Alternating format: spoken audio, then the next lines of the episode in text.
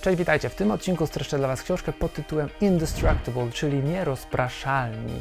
Jest to książka, która mówi o tym, jak w, w całym tym zabieganym świecie poradzić sobie z rozproszeniami i być produktywniejszym. Całość notatek z tej książki oraz wskazówki, jak wdrożyć tę wiedzę w nasze życie, znajdziecie na mojej platformie BookTube. Zanim zaczniemy, moją pasją jest czytanie książek rozwojowych i przekuwanie tej wiedzy w działanie. Dlatego stworzyłem społeczność BookTube, czyli miejsce dla osób, które razem ze mną chcą poznawać dwie książki w miesiącu. Książki z rozwoju osobistego i biznesowego. Prosto na maila wysyłam moje notatki w formie tekstowej i wideo, dzięki czemu możesz poznawać najciekawsze idee świata i oszczędzić czas. Otrzymasz również dostęp do kilkudziesięciu moich wideo notatek z książek, które każdy przynajmniej raz w życiu powinien przeczytać. Wejdź na booktube.pl i dołącz do naszej społeczności. Tymczasem przejdźmy do odcinka. Książka zakłada model nierozpraszalności, czyli istnieje takie pojęcie jak osoba, która jest nierozpraszalna i aby taka osoba mogła nazwać się nierozpraszalną, potrzebuje zastosować model nierozpraszalności. Składa się on z czterech czynników. Pierwszy kontrola wewnętrznych rozpraszaczy, Druga rzecz. Zbudowanie kalendarza wokół swoich wartości, zredukowanie zewnętrznych rozpraszaczy i utworzenie paktów i zobowiązań. I teraz powiem w tym odcinku o każdym z tych etapów, który trzeba przejść. Autor rozróżnia różne rzeczy, które wykonujemy na trakcję, czyli traction, i atrakcję, czyli z angielskiego distraction. I to po polsku fajnie brzmi, czyli trakcja, czyli coś, co nas popycha do naszych celów, zadanie, które wykonując przybliża nas do celu i atrakcja, czyli coś, co jest atrakcyjnego, ale idziemy w przeciwnym kierunku lub stoimy w miejscu niż nasze cele i marzenia.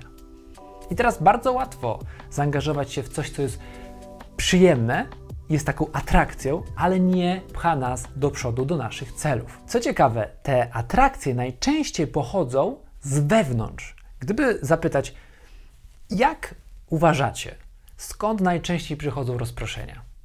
Większość osób odpowie, ja też zanim przeczytałem tę książkę, wydawało mi się, że z zewnątrz, czyli powiadomienia i inne takie rzeczy, które gdzieś nas tam rozpraszają podczas pracy. A nic bardziej mylnego. Okazuje się, że najwięcej rozpraszaczy jest w nas. Zaraz powiem dlaczego.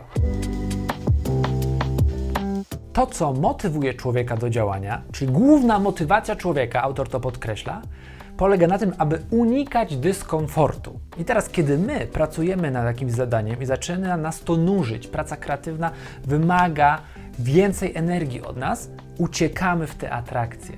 Czyli unikamy dyskomfortu, który jest wewnątrz nas. Czyli to nas rozprasza, ten wewnętrzny dyskomfort, i uciekamy w coś, co da nam chwilowe poczucie dopaminy, satysfakcji. I co się dzieje? Przerywamy pracę, idziemy na przekąskę i tam dopadają nas zewnętrzne rozpraszacze. Czyli od wewnętrznych rozproszeń idziemy i spotykamy mnóstwo zewnętrznych. Na przykład idziemy do kuchni, sprawdzamy wtedy telefon, no i przepadliśmy na półtorej godziny w mediach społecznościowych. Warto tutaj zastosować zasadę 10 minut. Autor mówi o takiej zasadzie 10 minut, że jeżeli poczujesz pokusę, aby oddać się jakiejś zachciance, na przykład sprawdzenia co jest na poczcie e-mail. Powiedz sobie, zrobię to za 10 minut, wrócę jeszcze do zadania i za 10 minut sprawdzę, co tam się działo. Z dużym prawdopodobieństwem nie będziesz o tym pamiętać, że miałeś coś sprawdzić, bo znowu zatopisz się w zadanie. Mam nadzieję, że osiągniesz również stan flow, czyli że zapomnisz o płynącym czasie.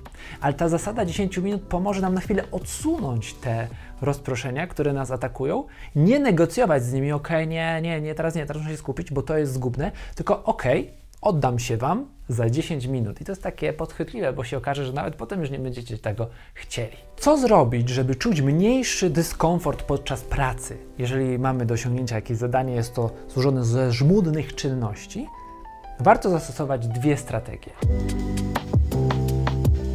Pierwsze, uczyń zadanie wesołym, zabawnym, make it fun.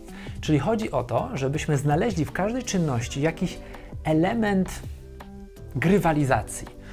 Zrobili sobie na przykład taki challenge, że zrobisz jak najszybciej dane zadanie i sprawdzić, ile ci to zajęło. Jeżeli jesteś baristą, to też jest ciekawy przykład w książce, to może cię nudzić wykonywanie tych samych czynności, ale jeżeli dasz sobie taki challenge, że chcesz zrobić dzisiaj jak najwięcej kaw, jak najszybciej, to nie tylko będziesz miał z tego satysfakcję, ale również być może szef stwierdzi, że warto cię mianować menadżerem restauracji i tak dalej. Więc stworzenie grywalizacji powoduje, że czujemy lepszą motywację, większą i też mamy szansę wybić się wśród innych osób, które robią przeciętnie, w przeciętnym tempie, czy też przeciętnej jakości rzeczy.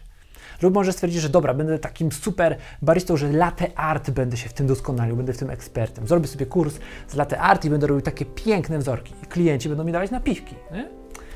Więc są różne elementy grywalizacji, to jest jeden właśnie z nich. Drugą rzeczą, która może sprawić, że będziemy mieć mniej tych rozproszeń wewnętrznych, to jest zagłębienie się w zadanie.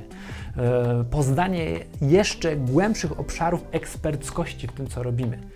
Nie bądźmy tylko przeciętnymi pracownikami, na przeciętności nie jedźmy, tylko zróbmy się numerem jeden, przynajmniej dla samego siebie. Czyli czytajmy książki z tej dziedziny, właśnie zgłębiajmy sztukę robienia kawy, jeżeli jesteśmy baristami, po to, aby nas to cieszyło. Hej, dzięki za zapoznanie się z tymi fragmentami notatek. Jeżeli chcesz poznać więcej ciekawych idei z tych książek, wdrożyć wiedzę w swoje życie, to dołącz do BookTube'a, link pod tym filmem, do społeczności ludzi, którzy chcą wdrażać wiedzę z książek w swoje życie. Do zobaczenia w następnym odcinku.